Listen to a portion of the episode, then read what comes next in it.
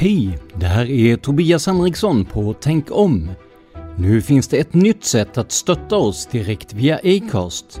Följ länken i avsnittsbeskrivningen eller gå in på supporter.acast.com tankom. Tack för ditt stöd!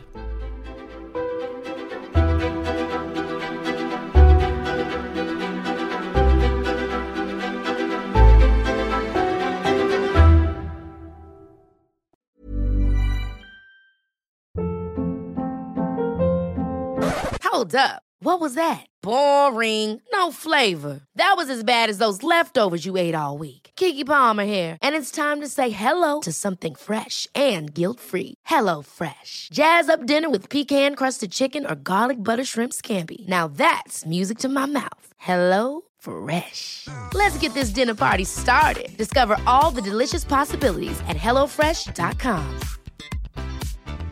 Hey, it's Ryan Reynolds, and I'm here with Keith, co star of my upcoming film, If, only in theaters, May 17th. Do you want to tell people the big news?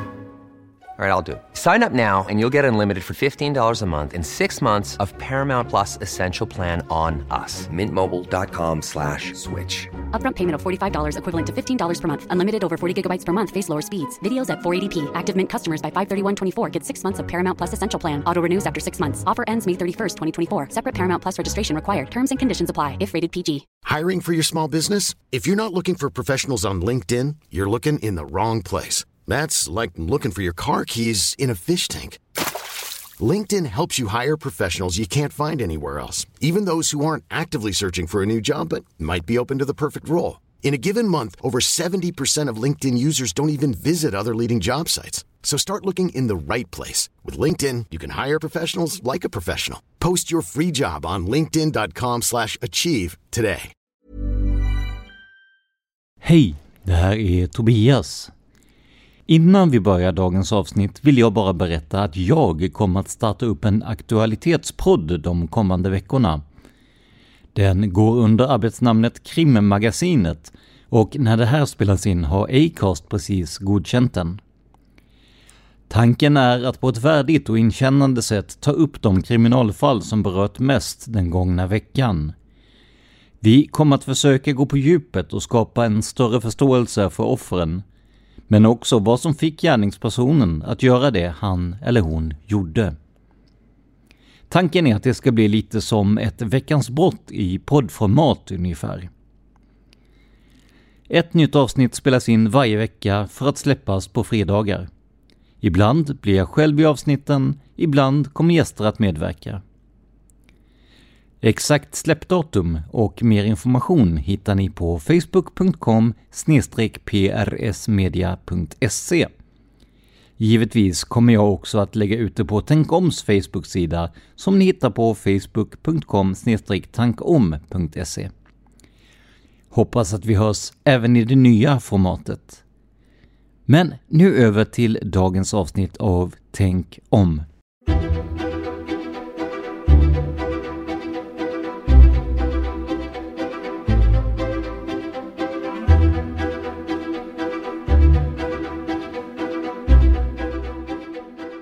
Välkomna till Tänk om, en podcast som granskar konspirationsteorier och myter. Jag heter Tobias Henriksson. Om du vill bidra ekonomiskt till podden och hjälpa oss att utvecklas, gå gärna in på patreon.com tankom och bidra med en summa som podden får per avsnitt. Sedan hösten 2019 har vi också ett swishnummer. Dit kan du swisha engångssummor om du hellre vill det. Numret dit finns i avsnittsbeskrivningen. Men jag tar det här också. Det är 123 356 1701. Och skriv gärna i meddelandet om du vill ha ditt namn med i podden och på hemsidan eller inte. I två tidigare avsnitt har vi granskat Storsjöodjuret. Och anledningen att jag säger vi är att jag har gjort det tillsammans med Dan Hörning. Välkommen tillbaka! Tack så mycket Tobias! Vi tänker fortsätta lite på det här oerhört spännande spåret. Intressant eh, att prata om kryptozoologi heter det väl? Ja, och eh, Storsjöodjuret. Men innan dess Nu har Dan varit med några gånger så att de flesta av er har säkert hittat honom på eh, poddar och annat. Men om du fick välja en podd eller ett avsnitt som du är lite så här extra stolt över. Vad, vad ska folk lyssna på liksom för att få en känsla för Dan Hörning? Storsjödjuret del 1 i Tänkom. Det är bra. Dan gör även Seriemördarpodden. Han gör podden Palmemordet tillsammans med mig. Du gör Hard Nerd Café. Eh, sagan om Isfolket-podden. Ja, Nu ska vi se, Fan of History. Ja. Har jag glömt något? Mördarpodden med Josefin ja massa, givetvis. massa, massa poddar om mord. Ja, precis. Jag kan lyssna på när jag sågar quidditch i uh, Hard Nerd Café. När jag pratar om Harry Potter och de vises sten. Du sågar quidditch. Ja, jag förklarar varför quidditch är urbota korkat och aldrig skulle fungera som ett riktigt spel. Oh, det måste jag lyssna på ju. Det har jag inte hunnit med. Nej, det är Hard Nerd Café, rekommenderas varmt. Nörd med E. Mm, ja, precis. För att undertecknad är ju lite Harry Potter-nörd sådär, men jag har sett ju att ni kör en serie om Harry Potter, men jag har inte hunnit lyssna in mig på det. Det tycker jag du ska göra. Jag ska faktiskt göra det. Mycket bra tips. Vi recenserar Harry Potter-filmerna och böckerna. Både och. Så Anna läser böckerna och jag ser filmerna och sen pratar vi om dem. Ja. Och vi använder samma stil som vi gör i Isfolket-podden så att vi, vi är inte nådiga om det är någonting vi inte tycker om. Som quidditch. Som quidditch, precis. Om, för er som inte har koll på Harry Potters universum och quidditch så kan man väl i princip säga att det är ett bollspel som man till, på kvast helt enkelt, på flygande kvastar. Eh, och regler och annat eh, är jag säker på att ni tar upp mer i eh, Ja. Hard Nerd Café. Men det är inte de här eh, sagofigurerna och magiska kreaturen vi ska prata om, utan ett annat kreatur som då kan anses magiskt bevisat eller inte. Nämligen just Sto- Storsjöodjuret. För att i förra avsnittet så började ju vi läsa ur en bok eh, av, av Peter Olsson. Doktor Peter Olsson. Ja, precis. Den berömde Jämtlandsforskaren. Ska vi bara sammanfatta vem den här snubben var nu då? Ja, vi kan först och främst konstatera att den 12 januari 2020 så var det 97 år sedan Dr. Peter Olsson dog. Men eh, för en fullständig förklaring om vem han var så lyssna på förra avsnittet. Men han var alltså den största auktoriteten 1899 på Storsjödjuret precis under den enorma Storsjöhysterin där folk såg odjuret överallt. Hemma på utedasset, Storsjödjur. Det, var, det var överallt runt Storsjön. Precis, och i förra avsnittet hittade vi också en karl som hade sett Storsjöodjuret två gånger med sju års mellanrum, vilket jag tyckte var lite spännande. Men det kan ni lyssna mer om, ni kan höra mer om det i vårt eh, förra avsnitt, alltså avsnitt två av Storsjöodjuret. Vad fortsätter vi med idag? Idag kommer vi ta upp ytterligare 12 observationer som Dr. Peter Olsson har sammanställt i sin fantastiska bok Storsjödjuret framställning av fakta och utredning av Dr. Peter Olsson från 1899. Sen kommer Peter Olsson att försöka förklara vad det är som händer i Storsjön. Och då kommer ni också få höra våra kommentarer och feedback på det. Observation nummer 13 handlar mycket om hemmansägaren Nils Ling i Skede i Hackås igen. Du ser.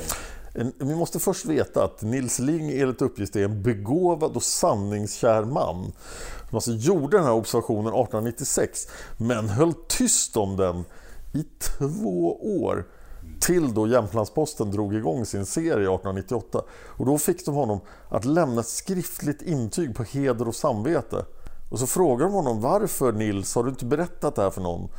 Men han svarade att han hade tigit om vad han hade sett för att han visste att den som pratade om Storsjödjuret betraktades som en narr eller bedragare. Men det här är alltså Nils Lings historia. Han är vid Knytta brygga i Frösö socken och det är en dag med stark västlig blås. Ångaren Trafik, alltså båten heter Trafik. Ja, du ser. Det var ett lustigt namn. Ja, det var det. Men det var å andra sidan så går det inte att missuppfatta vad de sysslar med ju. Nej, Det är inte så här fraktar äpplen eller så, utan det heter Trafik. Eh, Den har just lagt ut från Knytta brygga och kommit bara en halv båtlängd ut. Och den börjar ta fart. Och på akterdäckets babordsida sitter Nils Ling. Han ser då två små segel resa sig ur vattnet halvvägs mellan båten och land, ungefär 15 meter bort. De är ungefär två alnar höga, alltså 1,6-1,8 meter någonting. Och de färdas rakt mot vinden, snabbare än ångbåten. Och de färdas parallellt med båten. Men Nils kan inte se något båtskrov, han kan inte se liksom själva båten, han ser bara seglen. Och de vaggar lite grann i vinden.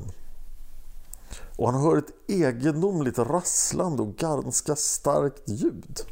Nils tänker det här är inte bra. Det här är ingenting naturligt. Jag, antingen drömmer jag eller så är jag sjuk. Men så han reser sig upp och tar en stärkande promenad på båtdäcket. Kommer till midskeppet men där ser han också seglen i vattnet fortfarande. Men de här seglen har nu kommit långt framför båten och försvinner liksom framåt. Eh, och sen sjunker de ner under vattnet. Och det här höll alltså Nils Ling tyst om i två år. Men just det här att de rör sig mot vindriktningen tyder ju också på att det inte är någon stock med någonting som sticker upp eller någonting. För att det, det här är någonting som aktivt rör sig i riktningen. Det är inget som driver med strömmen så att säga ju. Man kan tänka sig att det var två det var små eh, tomtar som hade små segelbåtar och så var de jättesnabba. Ja, eller... Vi återkommer till möjliga förklaringar Ja, vi senare. får göra det. Vi har observation nummer 14. Den är från 1897. Nu börjar det bli aktuella grejer. Absolut. Kom ihåg att boken kom ut 1899 och det är på nyårsafton. Strax före klockan 12 på dagen.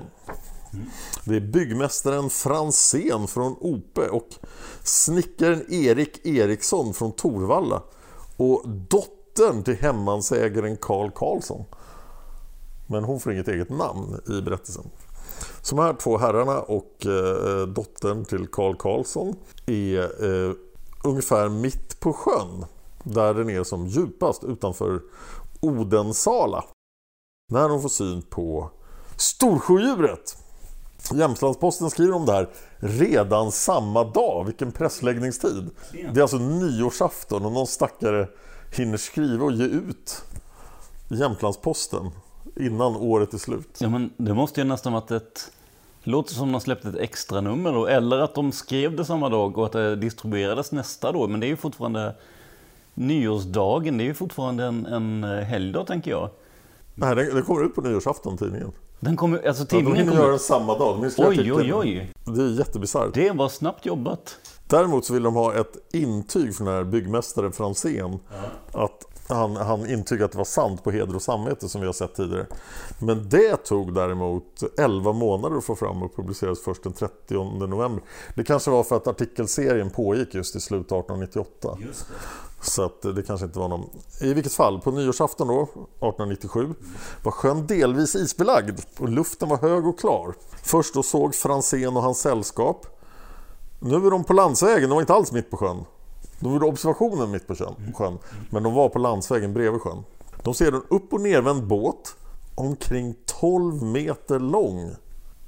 Nu blir 1800-talssvenskan svårare. Ryggen lyste rak men kroppen sluttade åt båda ändarna. Ja, alltså jag tänker mig som... ehm, vad ska man jämföra med? Jag tänker mig att det var rak på mitten och sen sluttade ner i vattnet, baksida och i framsida helt enkelt.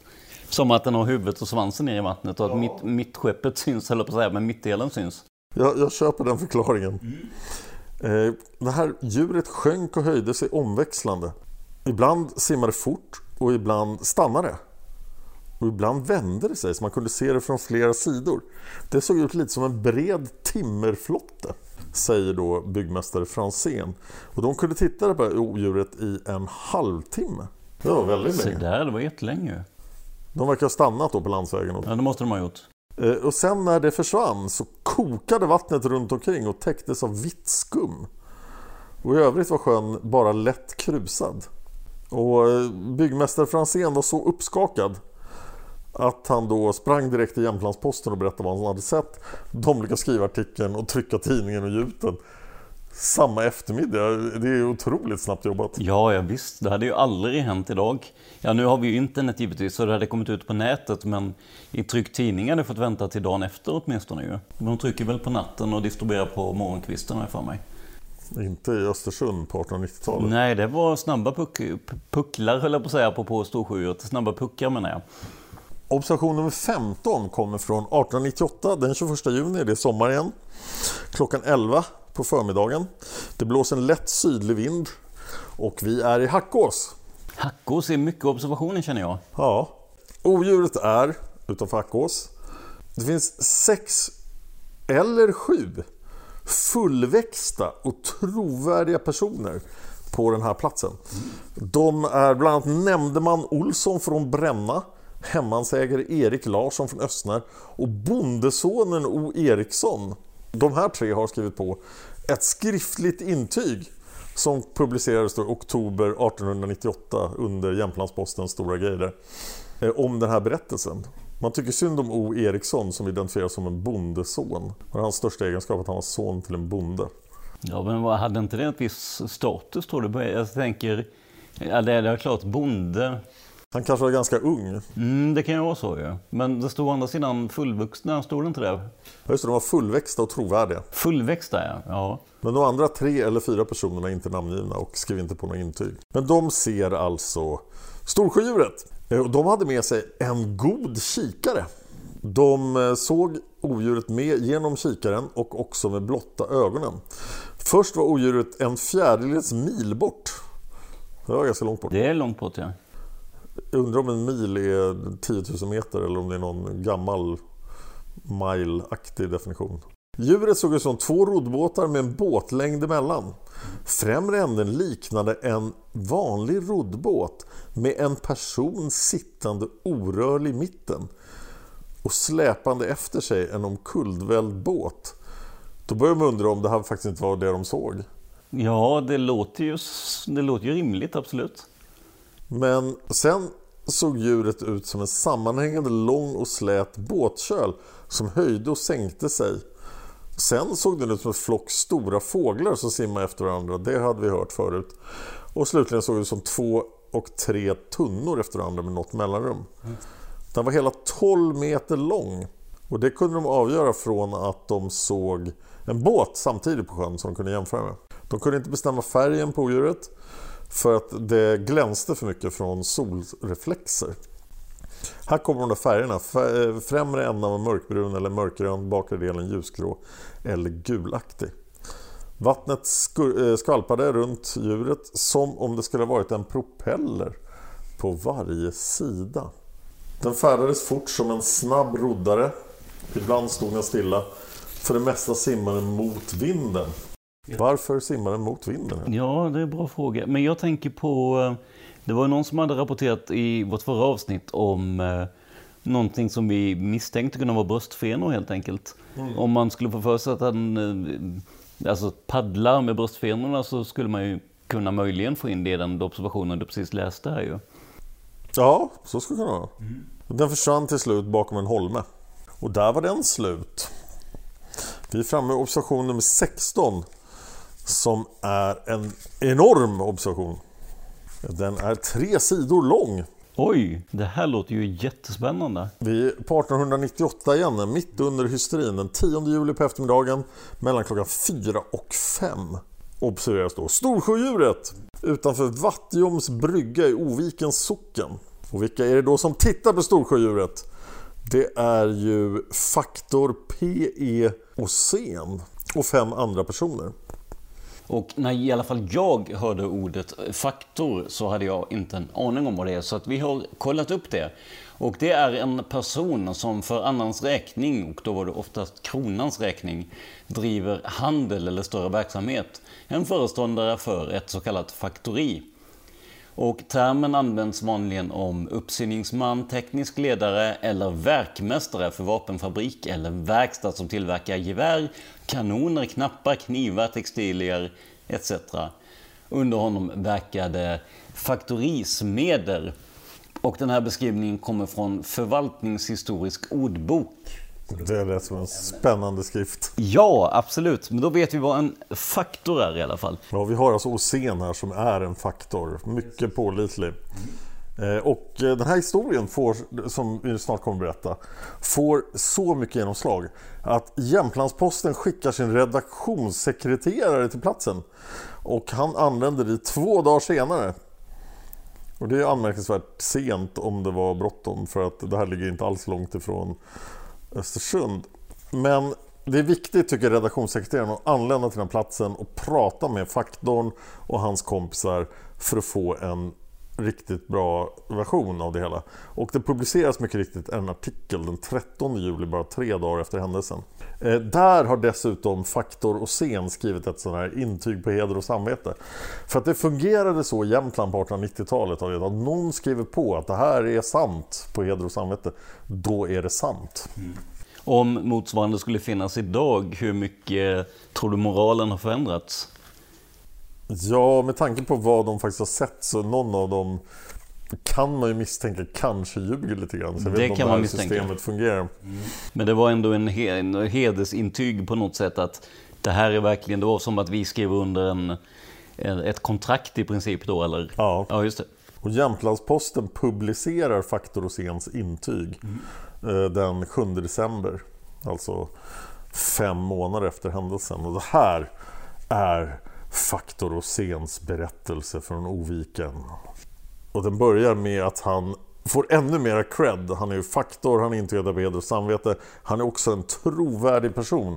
Och han har aldrig någonsin förut fått för sig att tro på något så fånigt som Storsjödjuret.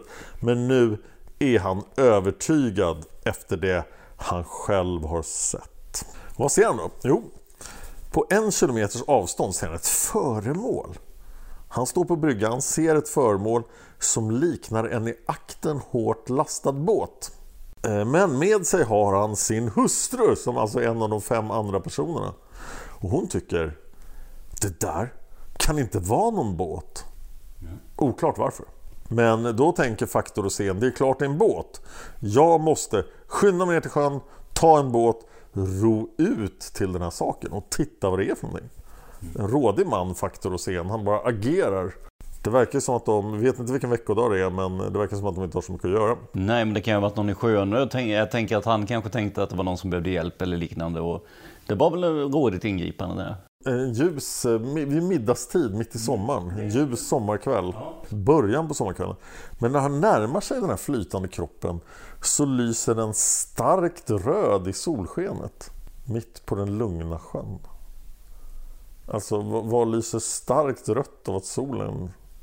Ja, då får det ju vara solnedgång i så fall, så solen börjat rödna så att säga. Men... Ja, men det är ju, det är, solen är mitt på himlen. Ja, jag säger det, det, det stämmer inte alls. Då drar Faktor och Sen slutsatsen att, att det kan vara två saker som man ser framför sig. Det första alternativet han tänker sig att det kan vara är att det är en räv. Det andra alternativet är att det är någon slags föremål som har släppts ut i vattnet från eh, staden. Händer det ofta att man släppte ut röda långa föremål från staden? Ja, det gjorde man tydligen vid Vällviken. Men Östersundspostens redaktion har kollat att staden inte dumpade några rävliknande föremål från den dagen. Spännande. Så att återstår bara hypotesen att det var en räv. Och det låter inte som ett så imponerande storsjödjur. Faktor och sen tänker efter. Så tänker han rävar, ganska små, storsjödjuret, mycket större. Och han förkastar sin rävhypotes här. Det är ingen räv. Och nu rör sig föremålet i nordlig riktning. Mot den svaga vinden. Det är också en som, åker, eller som rör sig mot ja. vinden. Men Faktor och Sten börjar kanske tvivla på sin rävhypotes som det ändå kan gälla för rävar kan simma mot vinden.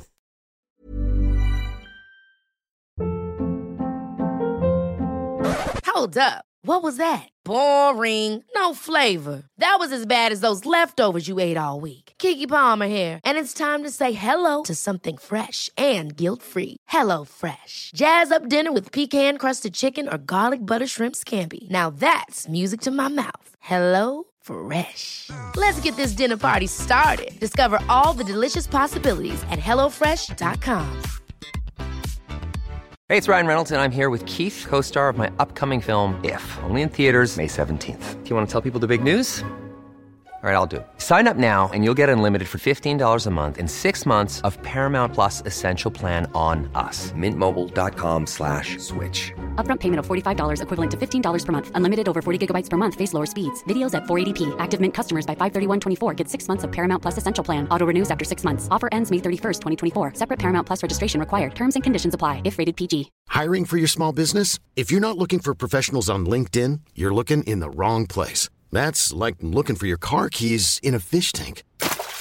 LinkedIn helps you hire professionals you can't find anywhere else, even those who aren't actively searching for a new job but might be open to the perfect role. In a given month, over 70% of LinkedIn users don't even visit other leading job sites. So start looking in the right place. With LinkedIn, you can hire professionals like a professional. Post your free job on linkedin.com slash achieve today. Faktor Osen förföljer föremålet i sin roddbåt. Och han kommer ikapp det och kör runt det. Det har vi inte sett förut. Storsjöodjuret har ju väldigt, väldigt Nej, snabbt det kommit undan allting. ja precis, det åkte undan ja. Så han har sett både den här, han beskriver det som en flytande massa som han har satt, sett rakt bakifrån och från sidan. Han märker att den här massan lever, nu börjar det låta som ett Cthulhu-monster och rör sig sakta mot vinden. Ja, det var lite upprepning från Faktor Osen. Det börjar låta som ett vad för något sa du?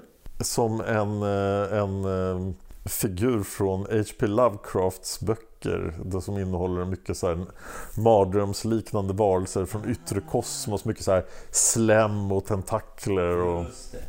Nu plötsligt får djuret två fenor eller öron som reser sig i vattenbrynet. Och när de reser sig så hörs ett slamrande läte och det sker med flaxande rörelser. Vad är, det här låter inte alls som Storsjödjuret. Och inte alls som en räv heller. Nej, verkligen inte en räv. Och nu är fenorna raka och spända parallella med djurets längdaxel och glänsande vita i solsken. Det låter som att han har stött på Kapten Nemo från en världsomsegling under haven. Ja, lite åt det hållet. Alltså en, en alltså, En ubåt med segel. Men nu är han så tre meter ifrån det här djuret. Och då lägger jag märke till att det är en stor mängd fisk som rör sig nära vattenytan. jag tror jag kan ana vad som händer nu. Han betraktar djuret. Han konstaterar att djurets längd som man kan se är 4 eller 5 meter. Och det är kanske just det här ögonblicket som Faktor Rosén ger upp tanken på att det här kan vara en räv. Nej, det är ovanligt med fem meter långa rävar det är det. Bak till är den 1,25 meter bred. Men fram till är den bara 2 tredjedels meter bred. Så den avsmalnar liksom mot framsidan. Den höjer sig över vattnet. Han ser inget huvud. Bak till är kroppen tvärt avhuggen och tämligen platt. Fram till smalnar den är något kupig. Den är klart mellanröd och klädd med slemmiga fjäll. Och de här öronen eller fenorna är vita då. Mörka strimmor på kroppen. Ingen slingrande rörelse. Den rör sig liksom lugnt och långsamt. Men oklart varför den rör sig. För att, eh, han har tittat på det här djuret i en kvart. Men då kommer ångbåten som går över Vällviken och den tjuter i ångvisslan. Och då spänner djuret upp öronen ordentligt. Vrider sig oroligt och ser ut som att den försöker lyssna. Sen vänder det sig långsamt i en vid båge och simmar sakta söderut. Faktor Rosén tänker Nej, nu får det vara nog. Nu måste jag döda det här djuret. Så han ror i land, springer upp till en gård och säger Ge mig er bössa. Gårdsinnehavaren blir förvånad men ger bössan till Faktor Osen för han är en ansedd man. Han springer ner till bryggan för att skjuta djuret. Men då upptäcker han att djuret har försvunnit. Eh, frun eh, återkommer till historien och även Osens moster som också var där. De intygar att de såg det här djuret simma mot vinden och att de tyckte att det såg ut som en röd båt. Och när Osen sprang efter geväret så såg inte han den, men de såg den. Och eh, de såg att den simmade, den hade vänt och simmat åt ett annat håll. Men bonden Per Jakobssons hustru såg också djuret och tyckte att det liknade en eller och sen två båtar. Och sen såg hon två glimmande åror som liknade mycket små segel. Det känns ju som att det här är någon form av farkost. Ja, alltså jag, när jag hörde det här så tänker jag, han sa tidigare att de här, det han uppfattade som öron, att de så att säga spändes och riktade sig mot därifrån ljudet kom och sådär. Hur många sådana sjövarelser har egentligen överhuvudtaget någon form av ytteröron? Det känns väl ovanligt, gör det inte det? Ja, det är mycket med den berättelsen som känns ovanligt. Ja, jo. Men vi har eh, två vittnen till. Jaha. Det är Per Helgesson och hans hustru. De såg föremålet. De tyckte att det liknade först en och sen två ekor. Och att det rörde sig långsamt inåt viken och den hade två mycket små segel. Det här är det huvudsakliga innehållet i berättelsen, säger eh, doktor Peter Olsson. Peter Olsson har funderat på hypotesen att det här var en pappersballong. Det var alltså en ballong som hade släppts i Vällviken samma dag. För att stiga uppåt och så hade någonting gått fel. Östersundsposten har forskat i det här och konstaterat att den här ballongen släpptes inte förrän långt senare samma kväll. Men kritiker har sagt att det är så här, ni har ingen koll överhuvudtaget, ingen vet när ballongen släpptes. Utan det kan mycket väl ha varit ballongen. Och det skulle kanske förklara dess något konstiga beteende. Det förklarar inte varför den rörde sig mot vinden. Nej, precis. Men det lät ju som någon form av fordon. Eller, ja, någon farkost. Ja. Men skulle en, en så ansedd man som Faktor Rosén ha misstagit storsjödjuret, eller en pappersballong för storsjödjuret på tre meters håll. Ballongen var gjord av silkespapper och den var bara 1,75 meter. Ja, det är viss skillnad då ja. Banden på sidorna skulle kunna tagits för öron men det var smala remsor av silkespapper som inte ens var en tum tjocka. Eh, och ballonger tenderar inte röra sig mot vinden då förstås. Det var Faktor Roséns upplevelse på Storsjön. Vi är framme vid observation nummer 17. Det är ett par lekande gossar den 17 juli 1898. De är vid Valla på Frösön. De tittar ut mot sjön. Klockan är halv åtta på eftermiddagen. Jag gillar den formuleringen. Halv åtta på kvällen skulle vi säga idag. Eh, gossarna borde vara hemma och äta middag tycker jag, men det är mitt i sommaren så det är de inte. De tittar ut på sjön och gissar vad de ser. Storsjöodjuret? Ja, de ser ett ovanligt föremål. Så att de bestämmer sig för att det bästa att göra nu är att gå till Olof Persson i Valla och berätta vad de har sett. Olof Persson sitter och har någon slags sammankomst där det är 10-12 personer. Och alla blir mycket intresserade och skyndar ut och tittar ut i sjön. Och de ser att djuret har tagit sig lite längre bort. Men de ser någonting som liknar upp och ner en båt. Vädret är klart men det blåser en lätt västlig vind. Och djuret rör sig... Gissa, rör det sig med vinden eller mot vinden? Nej, det, det rör sig mot vinden. Ja, du har rätt! Ja, jag bara gissade. Och det är sommar så är solen uppe och lyser. Man kan se stora öron eller fenor som är glänsande vita på en rödaktig kropp. Det här stämmer väldigt bra med faktor Rosén. Sen kommer ångaren Nordrön. Det är massa ångbåtstrafik på den här stackars sjön. Och då blir odjuret oroligt och simmar mot Knytta.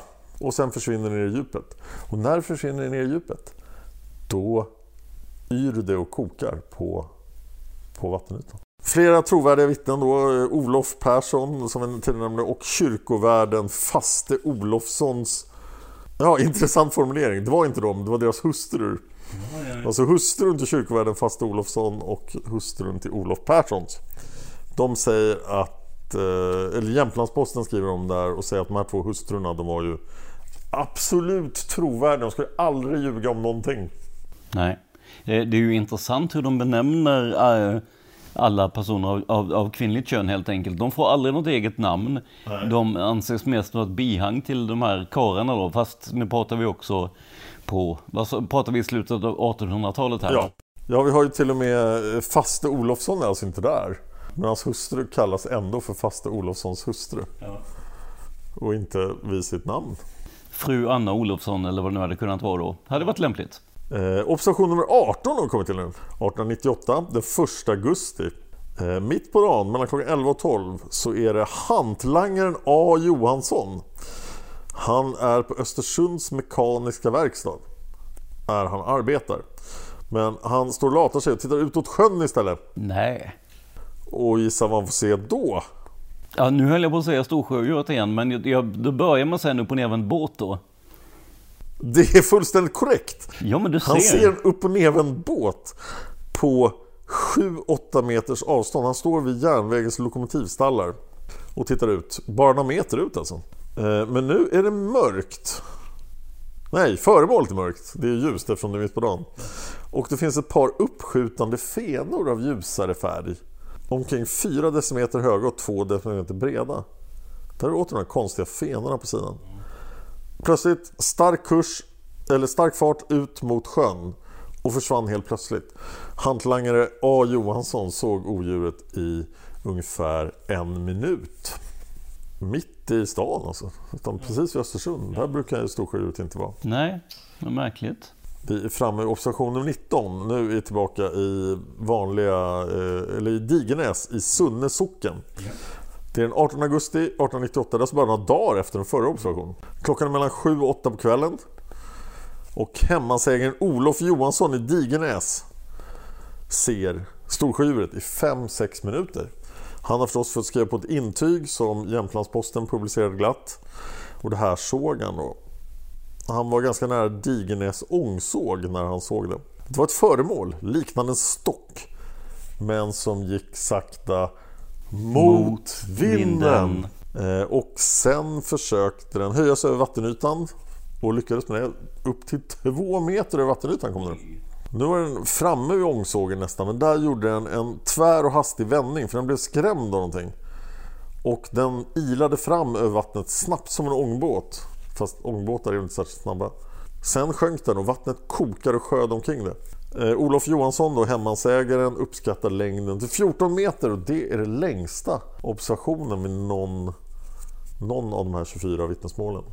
Eh, det var för långt till odjuret så han kunde inte se om det hade lemmar eller färg. Men det verkade mörkt. Och en tioårig gosse var den som hade sagt till hemmansägare Olof Johansson Kolla, där är någonting konstigt. Och han kunde då intyga den här historien också. Vi är framme vid observation nummer 20. Nu är i slutet av september eller början av oktober 1898. Alla i Östersund pratar om Storsjöodjuret. Det är så här, där, nu, allt det här händer. Bara ut och kolla. Klockan är åtta på morgonen. Vi vet inte riktigt vilken dag. Det är slutet av september eller början av oktober. Under en kvarts timme så ser bonden Vard i Opptand fältjägaren Per Wester i Grytan och tjänsteflickan Emma Olofsson. Jo men titta, tjänsteflickan fick ett namn. Ja, det var lite märkligt för att den eh, flickan jag var förlovad med i Jämtland hette Emma Olofsson. Men det var inte 1898.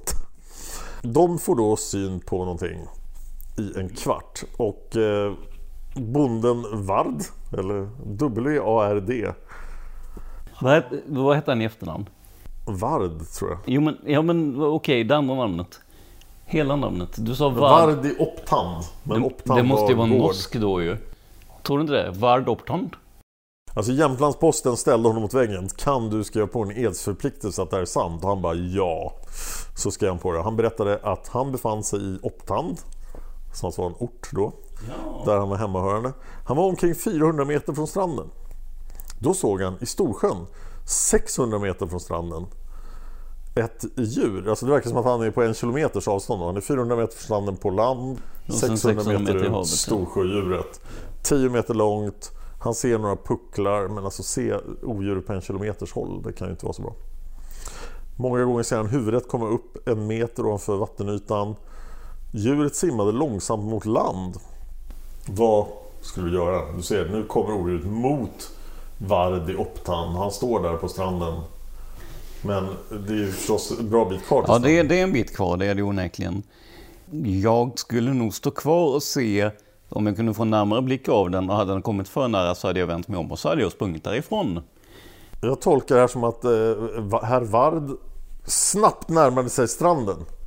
Han sprang åt det hållet? Ja. Ja. okej. Mm. Och när han hade kommit fram till stranden så öppnade han eld mot Storsjödjuret. Han var ju beväpnad, vi får inte glömma att det här är 1898, det är lite vilda västern även i Sverige. Och så undrar folk varför storsjödjuret inte syns ofta. Det är klart om folk skjuter på det att det inte vågar komma fram. Ja, här har odjuret inte gjort det minsta fel, det är bara ute och simma lite glatt så blir det beskjutet. Precis. Det första skottet missar, odjuret struntar i det, men det andra skottet kommer otrevligt nära odjuret. Hur kan han missa ett 10 meter långt odjur som har närmat sig? Det är, ja, Men det är fortfarande, det var en kilometer från början. Det var fortfarande, du skjuter väl på kanske 700-800 meters håll då? Ja, han måste tagit sig ner till stranden så då är det, Ja, det är 600 meter Sen minus. har det kommit närmare. Ja, ja men en halv kilometer i alla fall. Men efter andra skottet tycker odjuret nej, där nu vill jag inte vara med längre. Och så drar det, simmar vanligt, ökar fart, rakt ut i sjön, fuff, dök, dök. Det skulle jag också gjort om jag var odjuret. Ja, det är en bra grej att göra överlag om man blir beskjuten. Ja, jag känner det. Simma mot mitten av sjön och dyka. Nej, vänta. Vi är framme vid observation 21. Jag missade din ironi. Ja, 1898. Den 4 oktober, kvart i ett på eftermiddagen. Så är det då en eh, i Hackås, i Billsta i Hackås. Så är det bondesonen Mikael Jonsson.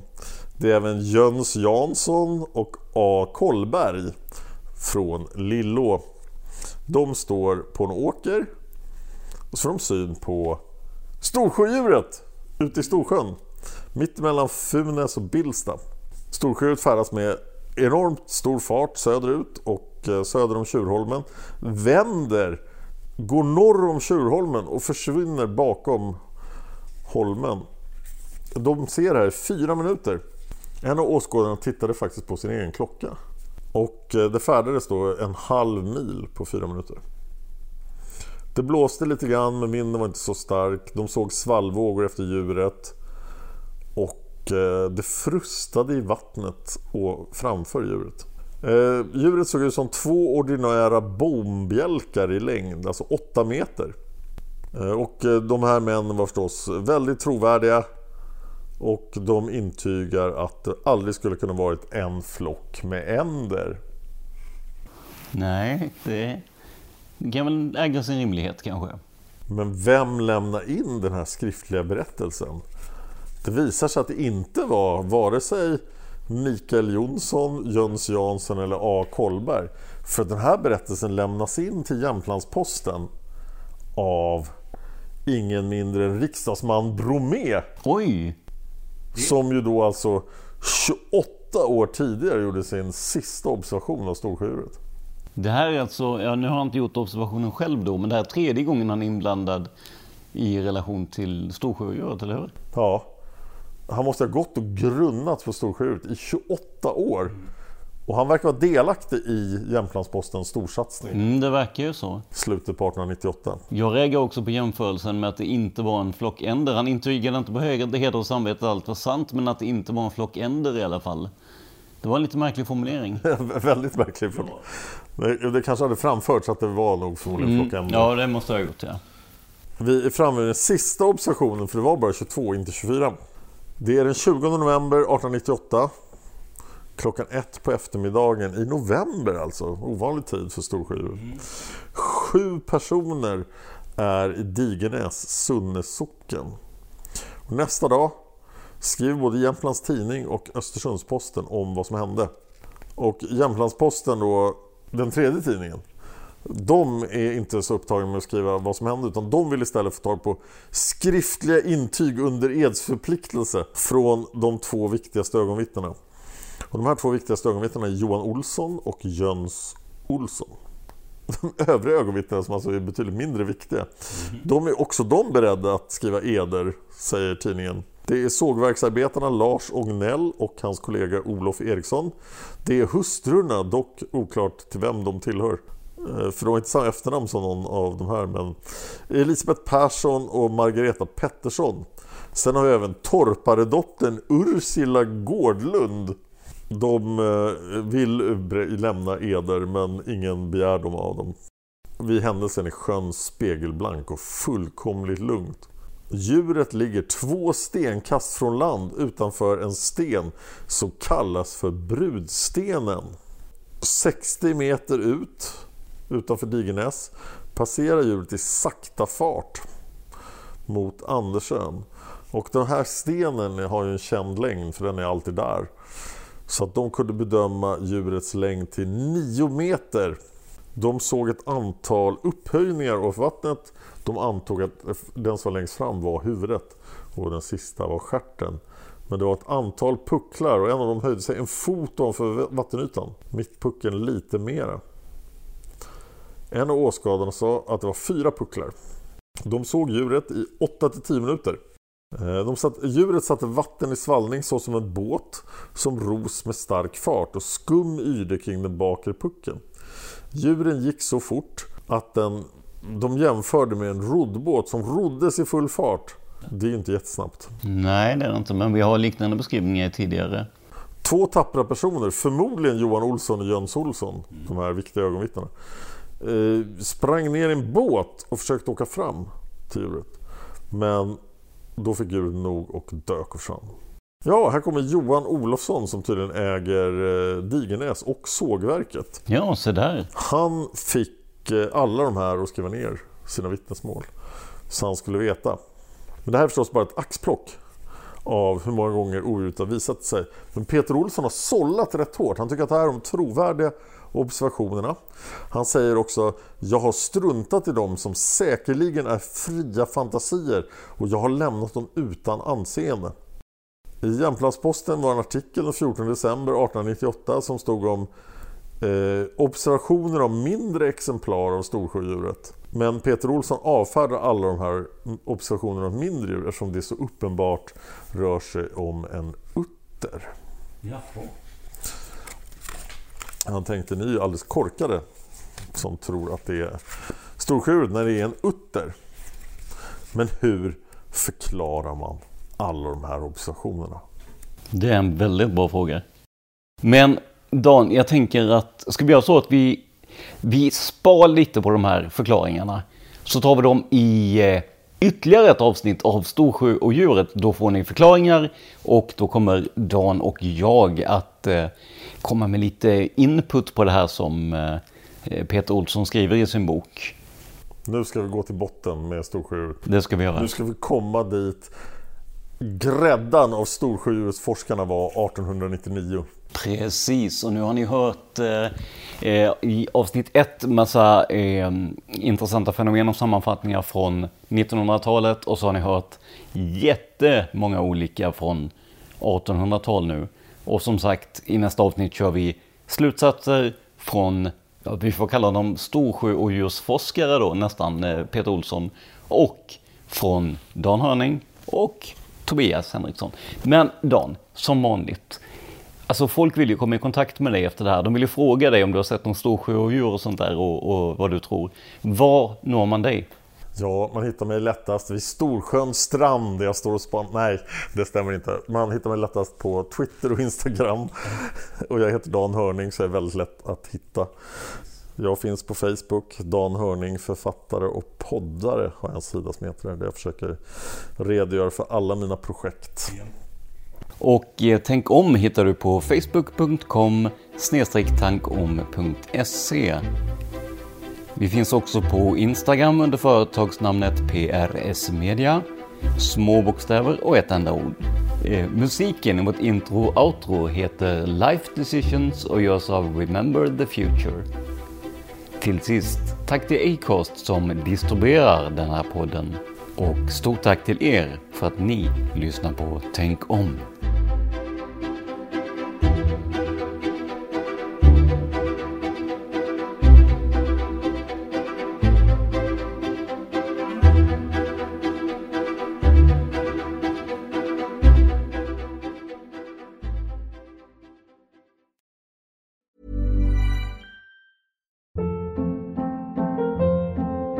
Hold up. What was that? Boring. No flavor. That was as bad as those leftovers you ate all week. Kiki Palmer here, and it's time to say hello to something fresh and guilt-free. Hello Fresh. Jazz up dinner with pecan-crusted chicken or garlic butter shrimp scampi. Now that's music to my mouth. Hello Fresh. Let's get this dinner party started. Discover all the delicious possibilities at hellofresh.com. When you need mealtime inspiration, it's worth shopping Kroger, where you'll find over 30,000 mouthwatering choices that excite your inner foodie. And no matter what tasty choice you make, you'll enjoy our everyday low prices, plus extra ways to save, like digital coupons worth over $600 each week. You can also save up to $1 off per gallon at the pump with fuel points. More savings and more inspiring flavors make shopping Kroger worth it every time. Kroger, fresh for everyone. Fuel restrictions apply. Life's better with American Family Insurance because our home policies help protect your dreams and come with peace of mind.